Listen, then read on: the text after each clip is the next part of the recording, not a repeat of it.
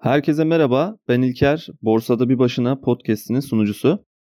Bu bölümde biraz genel olarak piyasa psikolojisi üzerinde durmak istiyorum.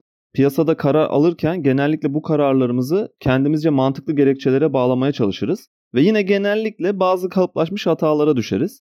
Peter Lynch bu yaptığımız hataları 97 yılında yaptığı bir konuşmada çok güzel özetliyor. Konuşmanın hepsi 45 dakika civarında olması lazım sanırım bazı platformlarda bulabilirsiniz. Bahsettiği 10 hatadan önce farklı bir anekdot da vermek istiyorum. Adam birazdan derinlemesine ineceğimiz bu hatalar üzerine o kadar konuştuktan sonra bir noktada S&P 500 endeksi yıl sonunda ne olur şeklinde bir soru geliyor. Peter Lynch gayet sakin bir şekilde hadi bir tahmin yürütelim diyerek cebinden bozuk para çıkarıp yazı gelirse yükselecek, tura gelirse düşecek diyerek parayı atıyor ve cevap yazı geldi. S&P endeksi yıl sonunda yükselmiş olacak. Piyasalarla ilgili bildiğim tek şey bu diyor. Bu bana çok enteresan gelmişti. Yani tabii ki Warren Buffett ve Peter Lynch gibi isimler çok uzun süredir etkilendiğim kişiler ama böyle bir soruya bu kadar net ve sade bir cevap vermesi çok şaşırtmıştı beni. Bu iki isminde her zaman savunduğu şey piyasaları tahmin etmenin imkansız olduğu ve bunu bir yazı turu atışına indirgeyip böyle bir topluluk önünde bu hareketi yapmak yine de kolay değil. Peter Lynch de kim diye soracak olan varsa eğer kendisi görmüş görebileceğimiz en ünlü fon yöneticilerinden biri. Bu ünü de boş yere almamış. Magellan ismini verdiği fonu 1977'den 1990'a kadar yönetip yıllık ortalama %29 getiri sağlamış. Bu rakam ilk başta çok etkileyici görünmeyebilir ama aynı dönemde S&P 500 endeksinin iki katından fazla bir getiri oranı bu. Ve bunu 13 yıl boyunca sürdürmüş. Ve döneminde en yüksek getirili fon olarak hep ilk sırada olmuş. 90'dan sonra artık stresten dolayı ve ailesine zaman ayırmak istemesi nedeniyle e, fon yöneticiliğinden ayrılmış. Neyse konumuza dönelim. Peter Lynch'in yatırımcıların yaptığı en tehlikeli 10 hata olarak belirlediği maddelere geçelim artık. En büyük hatalardan biri hisse fiyatı çok düştü artık daha fazla düşemez düşüncesi. Bu mantıksal yaklaşım gerçekten de çok tehlikeli. Piyasalar sanılanın aksine irrasyoneldir. Yani mantıklı ve sağlıklı işlemez. Dipler ve tepeler aslında olması gerektiğinden daha abartılı bir şekilde karşımıza çıkar genellikle. Ve tüm bunların yanında bir de dipleri ve tepeleri tahmin etmeye çalışmak boşa kürek çekmekten başka bir şey değil. Hisse fiyatı düşerken kendimize bir hedef rakam belirleriz genelde. Şu rakamın altına gelince daha fazla alım yapacağım diye. Bazen o fiyata iner, bazen inmez ama genellikle düşündüğümüz fiyatın daha da altına gider. Hisse fiyatı çıkarken de kendimize bir hedef belirleriz yine. Bazen hedefe gelir, bazen gelmez ama genellikle düşündüğümüz hedefin daha da üstüne gider. Piyasa böyle işte. Bunu ben özellikle Bitcoin'de volatilitesi daha yüksek olduğu için çok fazla yaşadım. İlk alımlarımı 3-4 bin dolar civarlarında yapmıştım. Hatta ilk mining sistemimi de 12-13 bin dolar civarlarında kurmuştum. Fiyatlar Aralık 2017 gibi neredeyse 20 bin dolar civarlarına gelip çok hızlı bir şekilde düşüşe geçmişti. Tekrar 12-13'lere indi. Oradan tekrar 10 bin dolar altına geldi. Kardan zarar bile insan psikolojisinde ve karar alma yeteneklerinde etkili oluyor. Sonra 7-8 bin dolar civarlarına kadar indi. 5-6 ay içinde mining işine girdiğim arkadaşlarım teker teker çıkmaya başladı. Onların paylarını ve ürettiğimiz bitcoinlerini de satın aldım. Daha fazla düşemezdi çünkü. Sonra 6 bin dolarlara indi. Artık son kalan arkadaşlarım da çıkmak istiyordu. Onların paylarını da satın aldım. Sonra 5000 dolar altına indi. Artık bende de umutsuzluk ve karamsarlık başlamıştı ama daha ne kadar düşebilirdi ki? Sonra 4000 dolar civarlarına indi. Tüm sistemi satıp ve kalan ekibin parasını verdikten sonra tamamen çıkış yaptım. Zararda değildik ama bu 2 yıllık psikolojik sınav bana çok değerli bir şey öğretti. Piyasalar çok uzun süre garip davranabiliyor. Önemli olan senin hayatta kalabilmen. Hatta bir önceki bölümde gömdüğümüz Keynes'in e, çok sevdiğim bir sözünü tam yeri gelmişken paylaşayım. Şöyle diyor, piyasalar sizin sağlam kalabileceğinizden çok daha uzun süre irrasyonel kalabilir. Ben bu sözü kendimce tersine çevirmeye çalışıyorum. Yani piyasaların irrasyonel kalabileceğinden daha uzun bir süre sağlam bir finansal yapıda ve mantıklı kalmalıyım. Aslında bütün mesele hemen hemen bu. Ve aynısı hissenizin fiyatının aşırı yükseldiğini düşündüğünüzde de geçerli.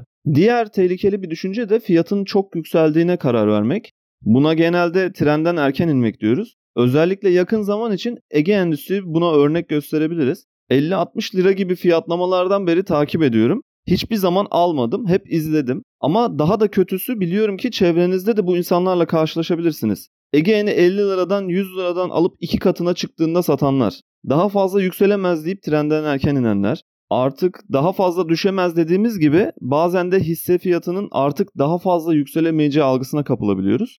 Diğer bir tehlikeli hata da piyasa zamanlaması yapmaya çalışmak. Hatta konuya direkt şöyle bir sözle girelim. Warren Buffett diyor ki Eğer bir hisseyi 10 yıl boyunca tutmayı düşünmüyorsanız o hisseye 10 dakikalığına bile sahip olmayın. Gerçekten de kişisel servetler bu tip piyasalarda ancak bu şekilde uzun vadeli düşünülerek yapılabiliyor. Hatırlarsanız zaman tercihlerimizden bahsetmiştik bir önceki bölümde. Piyasada uzun süre kalabilmek de zaman tercihlerimizle ilgili biraz. Genellikle insanlar belli başlı dönemsel hareketlere göre piyasalara giriş ve çıkış yapmaya çalışıyor. Dip noktaları ve tepe noktaları yakalamaya çalışıp ona göre hareket ediyor. Ve bu oldukça tehlikeli. Sizi bilmem ama ben çevremde sürekli alsat yaparak belli bir zenginliğe ulaşan kimseyi görmedim. Eğer bu şekilde insanlar görüyorsanız aslında ne sattıklarına dikkatli bakmanızı öneririm. Genellikle size bir eğitim veya kurs satıyorlardır. Çünkü hayatlarını bu şekilde idame ediyorlar, hisse alıp satarak değil. Neyse konumuza dönelim. Zamanlama yapmaya çalışmak aslında bariz bir psikolojik sorun bence. Karşımızdaki satan kişiyi veya piyasayı alt etmeye, karşı tarafın hatalı olduğunu düşünmeye bağlı egosantrik bir problem. Yani düşünebiliyor musunuz bu tip bir ortamda her aldığımız kararın %100 doğru olabileceğine nasıl bu kadar emin olabiliyoruz? Unutmayalım piyasalar irrasyoneldir. Bunu belki 50 defa tekrar edebilirim bu bölümde ama gerçekten iyi anlamamız gerek bu durumu. Ve bu aldığımız kararların sonuçlarını 1 ay, 3 ay, 6 ay gibi bence kısa bir sürede piyasayı zamanlamaya çalışarak görmeye çalışıyoruz. Ve ayrıca makroekonomik beklentilerle piyasaların çok ciddi bir bağlantısı olduğuna inanıyoruz. Bu da yanlış. Ukrayna Savaşı örneğini verebiliriz buna. Savaş resmen başlamadan birkaç gün önce bir sohbet esnasında Ereğli ancak savaş çıkarsa %10 düşebilir gibi beylik bir laf etmiştim.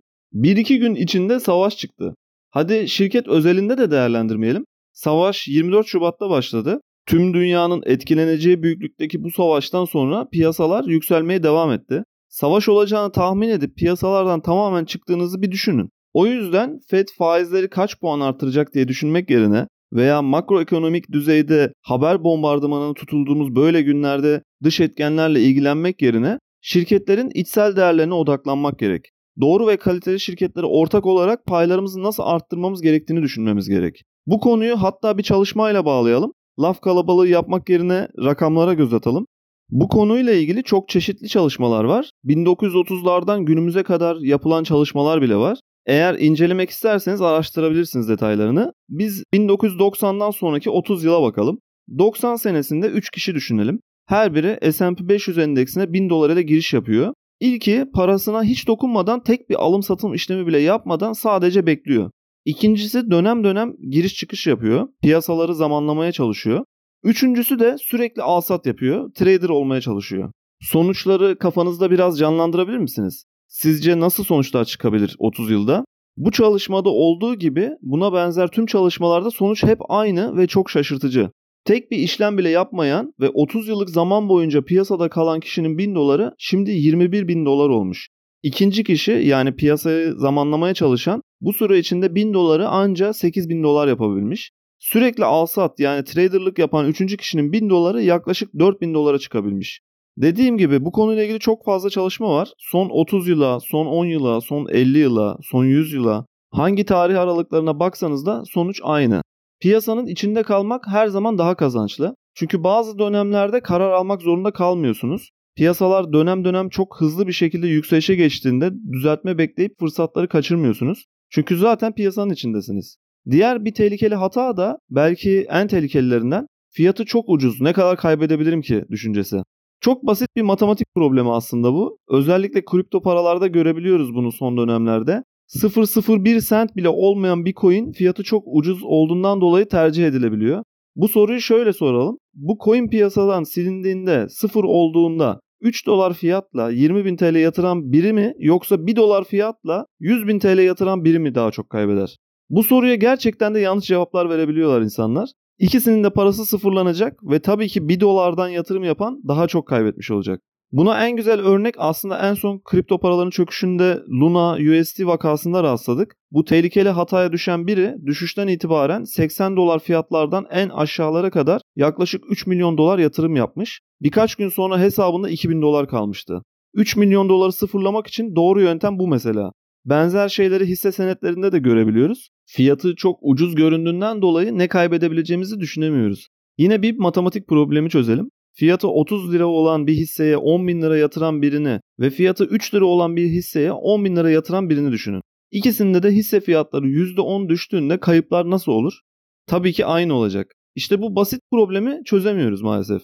Ve yine benzer bir problem bir şirketin hisse fiyatı çok ucuzladı diye yatırım yapmak. Şirketin hak ettiği fiyatın çok altında işlem görmesi elbette bir fırsat olabilir ama neden böyle olduğuna da detaylı bir şekilde bakmak lazım. Burada verdiğim hisse isimlerini bir öneri veya tavsiye amacıyla değil de bir örnekleme açısından veriyorum bu arada. Tekfen'e bakalım mesela. Belki de hak etmediği bir değerleme yaşıyor. Ama baktığımız zaman 2019 yılı başında 25 lira gibi fiyatları gördükten sonra ancak 2022 başında tekrar bu seviyeye gelebilmiş. Hatta sonrasında tekrar düşüşe geçmiş. Bir hisse ucuz diye 3 yıl boyunca paranızı yanlış yerlere park edebilirsiniz. Bunu anlatmaya çalışıyorum.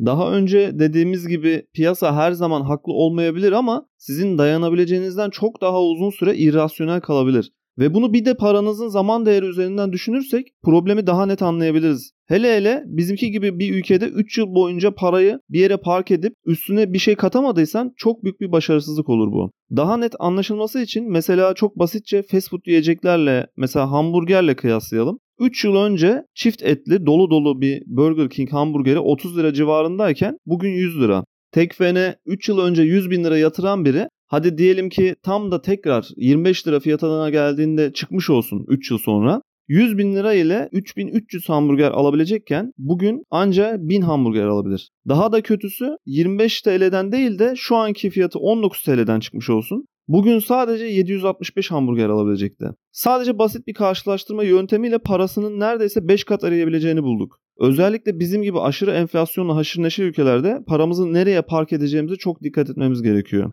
Bu oyunu sanki hard modda oynuyor gibiyiz daha gelişmiş ülkelere göre. Tabi daha önce dediğim gibi burada bahsettiğim şirket isimlerini sadece örnekleme açısından veriyorum. Tekfe'nin kötü bir şirket olduğunu da düşünmüyorum bu arada. Sadece neden böyle bir sonuçla karşılaştığımızı şirket özelinde incelemek gerek. Daha iyi bir şirkete ortak olsak bile yatırımlarımızı büyütmeye geçtik. Enflasyona karşı erimeyle de karşılaşabiliyoruz.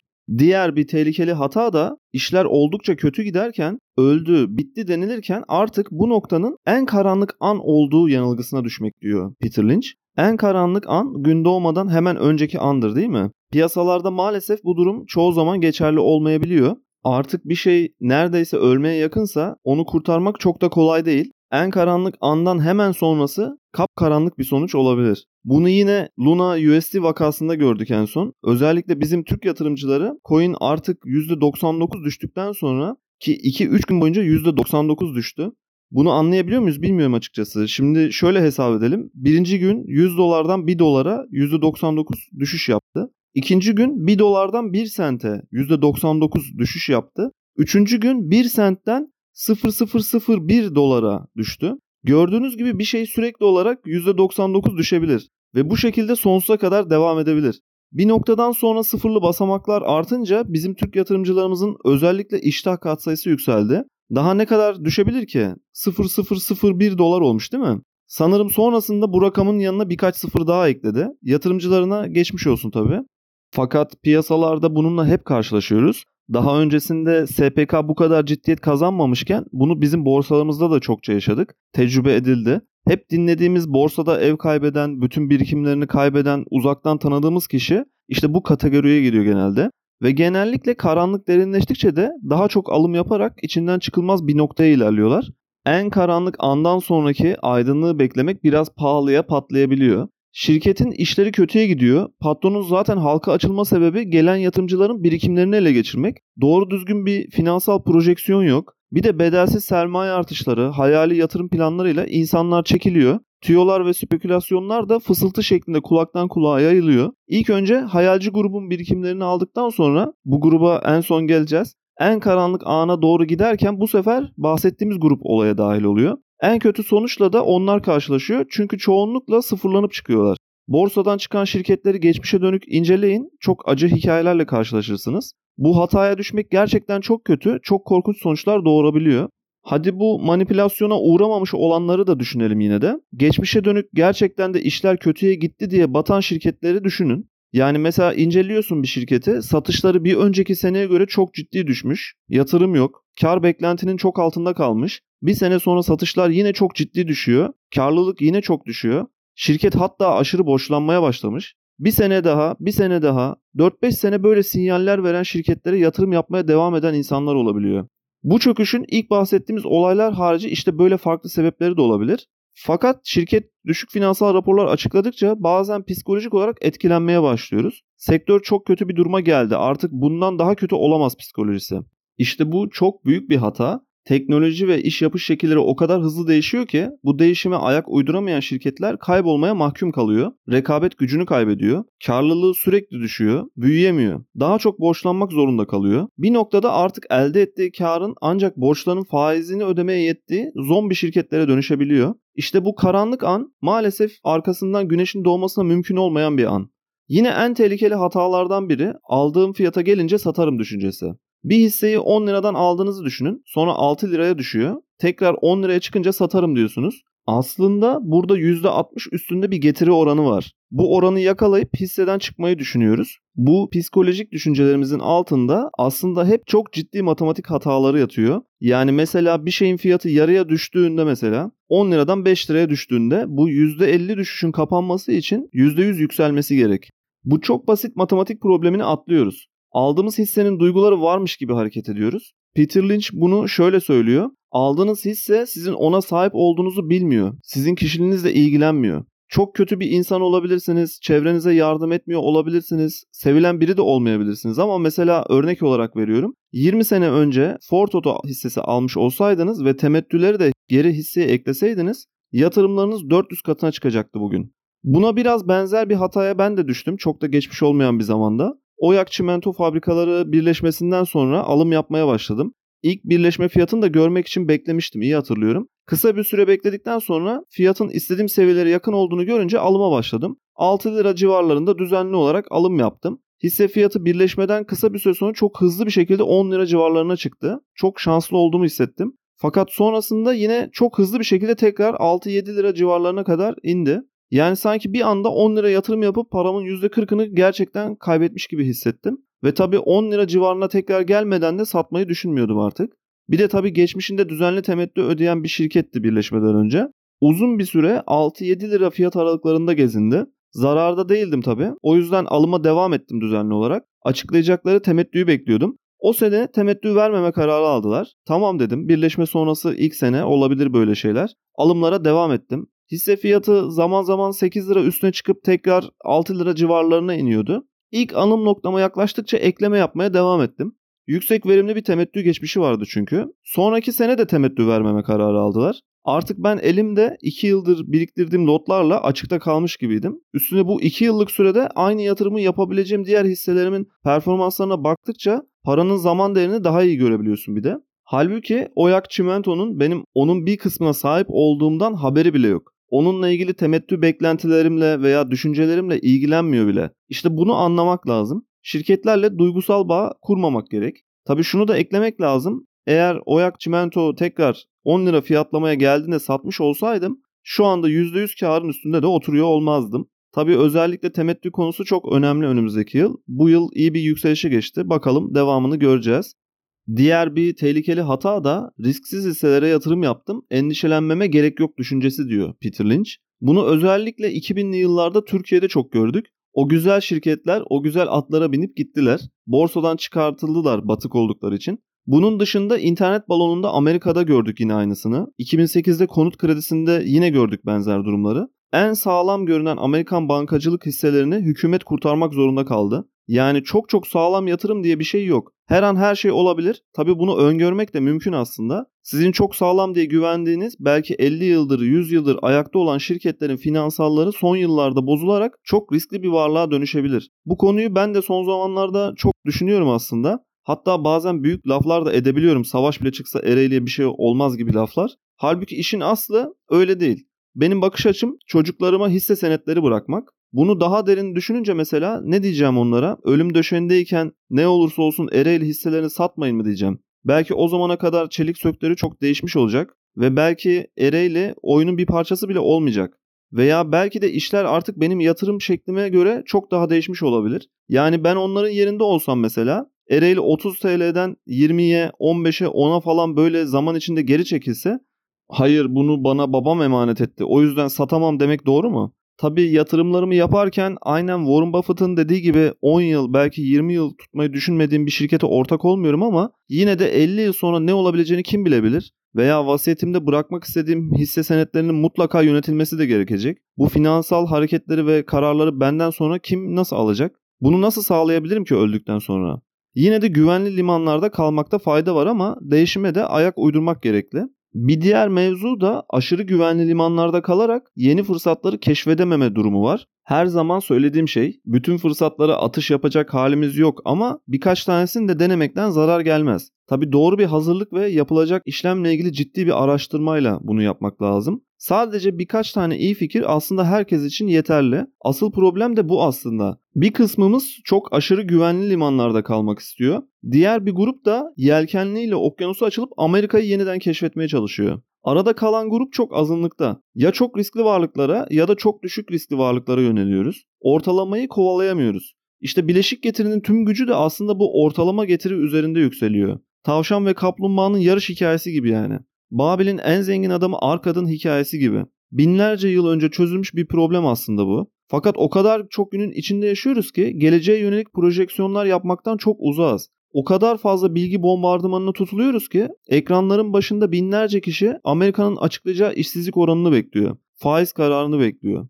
Elimizde olmayan makroekonomik rakamlar yerine daha çok şirketlerimizin içsel değerlerine ve kendi finansal rakamlarına odaklanmamız gerek. Bununla ilgili bir teori de uydurdum. Düğün teorisi olarak görüyorum bu durumu artık. Yakın bir zamanda her gün çok şanslı olduğumu hissettiren melek gibi biriyle hayatımızı birleştirdik. Düğünde etrafımızda o kadar çok fazla şey olup bitiyordu ki takip etmem mümkün değildi. Herkesi ve her şeyi görmeme rağmen ne yaptıklarıyla veya ne söyledikleriyle ilgili hiçbir fikrim yoktu. Etrafımda olup bitene en hakim olabileceğim pozisyonda hiçbir şeyi analiz edemiyordum. Düğün sonunda sadıcıma sorduğum ilk soru neleri kaçırdık, bizim gözümüzden kaçan önemli neler oldu veya herhangi bir şey oldu mu sorusuydu. Olan biteni anlatınca daha da iyi kavradım bu düğün teorisi dediğim şeyi. Politikacılar da biraz böyle aslında. O yüzden etraflarında gerçekten neler olup bittiğini tam olarak kavrayamıyorlar. Yatırım da biraz böyle. O kadar fazla bilgi bombardımana tutuluyoruz ki neyin önemli olduğunu kaçırıyoruz. Yatırım dünyasında kendinizi gelin veya damadın yerine koymaktansa davetlilerden biri olmaya çalışmak lazım. Sahnenin ışıltılı illüzyonlarından kaçarak ancak bu şekilde asıl önemli olan gelişmelere odaklanabilirsiniz. Peter Lynch'in kokteyl teorisi varsa ki başka bir yatırım psikolojisi üzerine o teori. Bizim de düğün teorimiz var. Çok mu yani? Peter Lynch'e göre yapılan bir diğer hata da şu hisseyi bak almadım bu kadar zarar ettim şeklinde argümanlar. Gerçekten de bunu sürekli yapıyoruz birçoğumuz. Şöyle bir kendi geçmişimde baktığımda mesela Hektaş'a hiç sahip olmadım. Ama son dönemde müstakbel eşime aldıracak kadar akıllı davrandık en azından. Aksa hiç sahip olmadım. Alarko, Türk Traktör, İş Yatırım gibi bu örnekleri çoğaltabiliriz ve bu hisseler sadece son 3 yılda 10 katın üstünde yükseldi. Tüm bunlara sahip olmamama rağmen yine de iyi sayılabilecek bir performans gösterdim aynı süre içinde. Bu hisseler yerine daha geriye gidip 5 yıllık 10 yıllık bakabiliriz ve sahip olmadığımız onlarca kat değerlenmiş şirketleri görebiliriz. Bu biraz önce saydığım şirketleri kendim incelememe rağmen alım yapmadığım için örneklendiriyorum. Herkesin vardır bu tarz hikayeleri. Bu şekilde ne kadar para kaybettiğinizi hesaplayabilirsiniz. Ama hisselerin basit bir mantığı var bu konuda. Sahip olmadığın bir hisseden para kaybedemezsin. Bir hissede gerçekten para kaybetmen için onu bir fiyattan alıp sonra daha düşük bir fiyata satarsan bunu başarabilirsin. Bir sabah kalkıyoruz ve dün aklımızdaki hisseyi kontrol ettiğimizde fiyatın yükseldiğini görünce tüh ya dün 1000 not alacaktım bundan şimdi %5 artmış ettiğim zarara bak diye hayıflanıyoruz. Uyurken bile para kaybediyorsun bu mantıkla. 5 lirayken Sasa alacaktım. 8 lirayken Aselsan alacaktım. Şimdi yatırdığım para 10 katına 20 katına çıkmıştı diye dövünüyoruz. Ve bu zararlarımızı hesaplıyoruz çok garip bir şekilde. Çok önemli ve basit bir detay ama bu hataya sürekli düşüyoruz. Aynı dedelerimizin almadığı arsa hikayelerine benziyor biraz. Sonrasında da mesela Ege'ni kaçırdım ama sıradaki Ege'ni yakalarım düşüncesi geliyor. Sıradaki Sasa'yı, sıradaki Hektaş'ı arıyoruz. Kripto para piyasasında da bu böyle gidiyor. Bitcoin ilk çıktığında yeni Bitcoin diye binlerce proje çıktı piyasaya. Bir şeyin kopyası yeni versiyonu maalesef çoğunlukla iş yapmıyor. Bunu CoinMarketCap sitesinden 6-7 yıl önceki ilk 10 kripto para sıralamasına bakarak görebilirsiniz. İlk 10'daki kaç tane yeni Bitcoin projesi şu anda hayatta kalabilmiş. Ethereum çıkıyor sonra yeni Ethereum aranıyor o fırsat kaçınca. Yeni Ethereum diye görünen Cardano çıkıyor. O fırsat da kaçırılıp bu sefer yeni Cardano aranıyor. Nereye gittiğimi görüyorsunuz değil mi bu mantıkla? Bu arada Bitcoin harici tüm bu kendine kripto para diyen ve çok anlamadığım ama önemli gördükleri bir sorun çözdüklerini iddia eden tüm bu projelerin bir aldatmacadan ibaret olduğunu düşündüğümü de söyleyeyim. Örnekleme açısından isimlerini verdim. Yoksa bana göre hepsi birer shitcoin. Neyse konumuza dönelim. Diğer bir tehlikeli hata da biraz önce bahsettiğimiz bu fırsatı kaçırdım ama bir sonrakini yakalayacağım düşüncesi. Tabi borsada ve piyasalarda fırsatlar hiç bitmez ama son 50 yıla baktığımızda mesela yeni bir Coca-Cola görebiliyor muyuz? Veya yeni bir Coca-Cola aramak çok önemli mi? Warren Buffett'ın ortağı Charlie Munger'ın bu konuda çok sevdiğim bir sözü var. Kötü bir şirketi çok uygun bir fiyattan almaktansa iyi bir şirketi makul bir fiyata almak her zaman daha karlıdır diyor.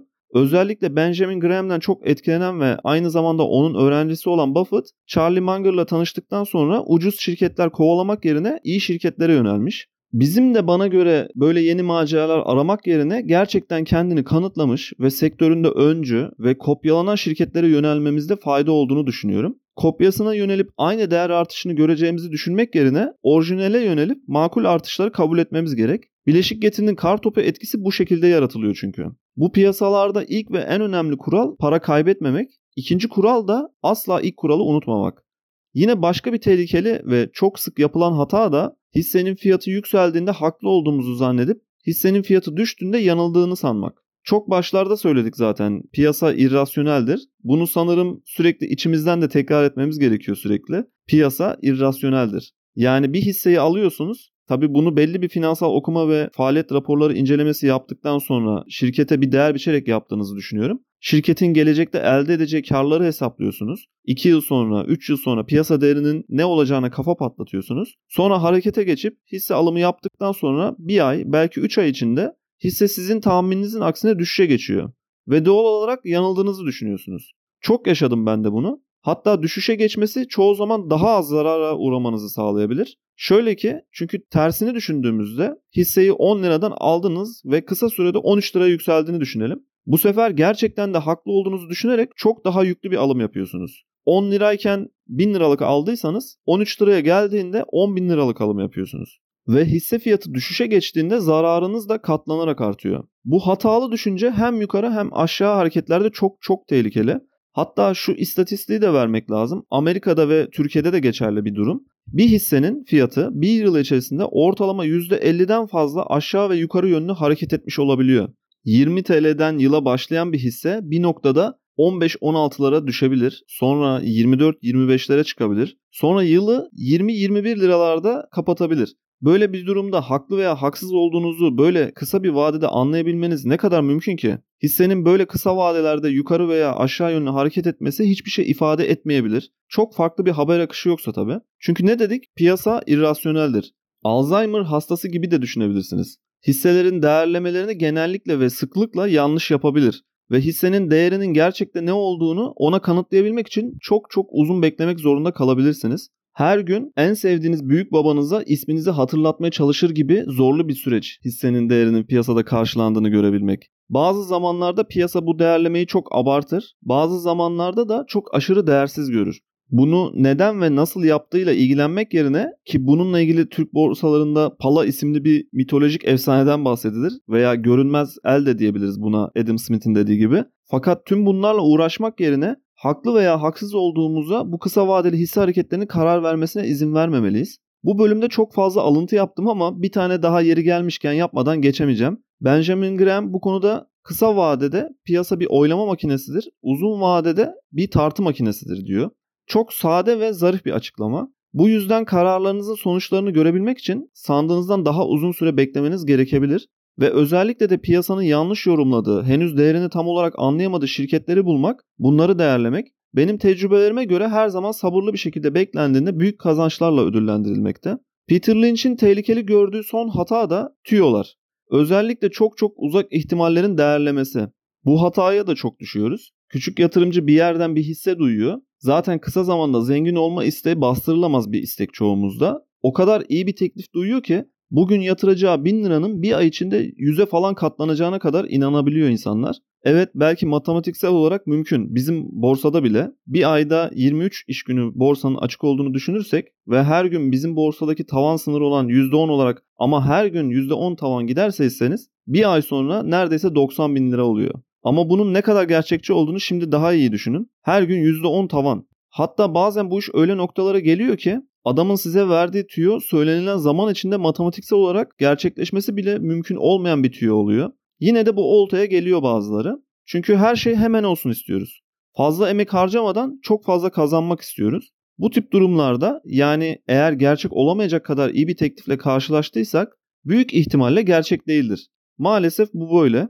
Bir de şöyle düşünmek lazım. O tüyo size gelene kadar nerelerden geçti? Hangi kulaklar duydu? Yani küçük yatırımcı olarak size böyle bir bilginin piyasadan önce gelmiş olma ihtimali ne kadar? Çok ciddi yerlerde çok ciddi tanıdıklarınızın olmasının bile önemi yok. Bu tip bilgiler şirket içinden dahi alsanız ki bunun cezai suç olduğunu sanıyorum. Yine de diyelim ki böyle bir bilgi geçti elinize. Bunun güvenilir olduğuna nasıl karar verebilirsiniz ki? Buna benzer birkaç olayı kendi yaşadığım örneklerle anlatmak istiyorum. Bir bankanın yatırım bölümünde çalışan bir arkadaşımın LinkedIn'de günlük endeks açılış tahminlerini görüyordum ara sıra. Hatta bu tahminlere göre diğer analistlerle birlikte bir yarışma gibi bir şey yapıyorlar. En yakın tahmini yapanların listesi yayınlanıyor. Birkaç defa da arkadaşımın bu listede birinci olduğunu gördüm.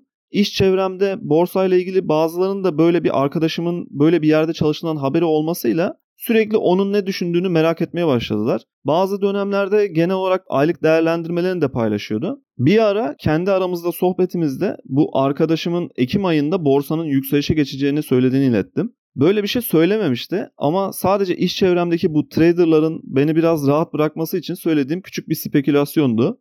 Sonra gerçekten de borsa Ekim ayında ciddi bir yükseliş yaşadı ve bu kendini doğrulayan kehanet sonrasında çevremi daha çok sarmaya başladılar. Şu hisseyi sorsana, bu hisseyi sorsana gibi daha çok sıkıştırmaya başladılar. Bu iş arkadaşlarıma veya trader da diyebiliriz bunlara belki de yıllardır anlatmaya çalıştığım sakin ve basit yatırım üzerine konuşmalarıma rağmen, sonuçları göstermeme rağmen hala bu tarz tüyolardan daha çok etkileniyorlardı. Çünkü herkes kapalı kapılar ardında böyle gizli anlaşmalar falan yapıldığı ile ilgili komple teorileri kurmaya bayılıyor. Yine bir gün borsayla ilgilendiğimi bilen bir başka arkadaşım bir sır verecekmiş gibi yaklaştı. Çok gizli bir bilgi veriyormuş gibi bir havayla borsanın Nisan'dan sonra çöküşe geçeceğini anlattı. Bütün yatırımlarımı satmam gerekiyormuş. Çok büyük bir olay patlak verecekmiş. Şu anki Rusya-Ukrayna savaşı kadar büyük bir olayın olacağından bahsediyordu. Nisan'dan sonra Ekim-Kasım gibi biraz toparlanma başladığında tekrar girebilirmişim. Böyle bir bilgiyi biraz dalga geçerek nereden aldığını sorduğumda ismini söylemeyeceğim kaynaklar verdi. Ve bu arkadaşımın bu insanlarla bir araya gelmesinde de çok büyük bir çelişki yoktu. Çünkü ulaşabileceği yerler. Kibar bir şekilde konuyu kapattım ve yatırımlarıma devam ettim.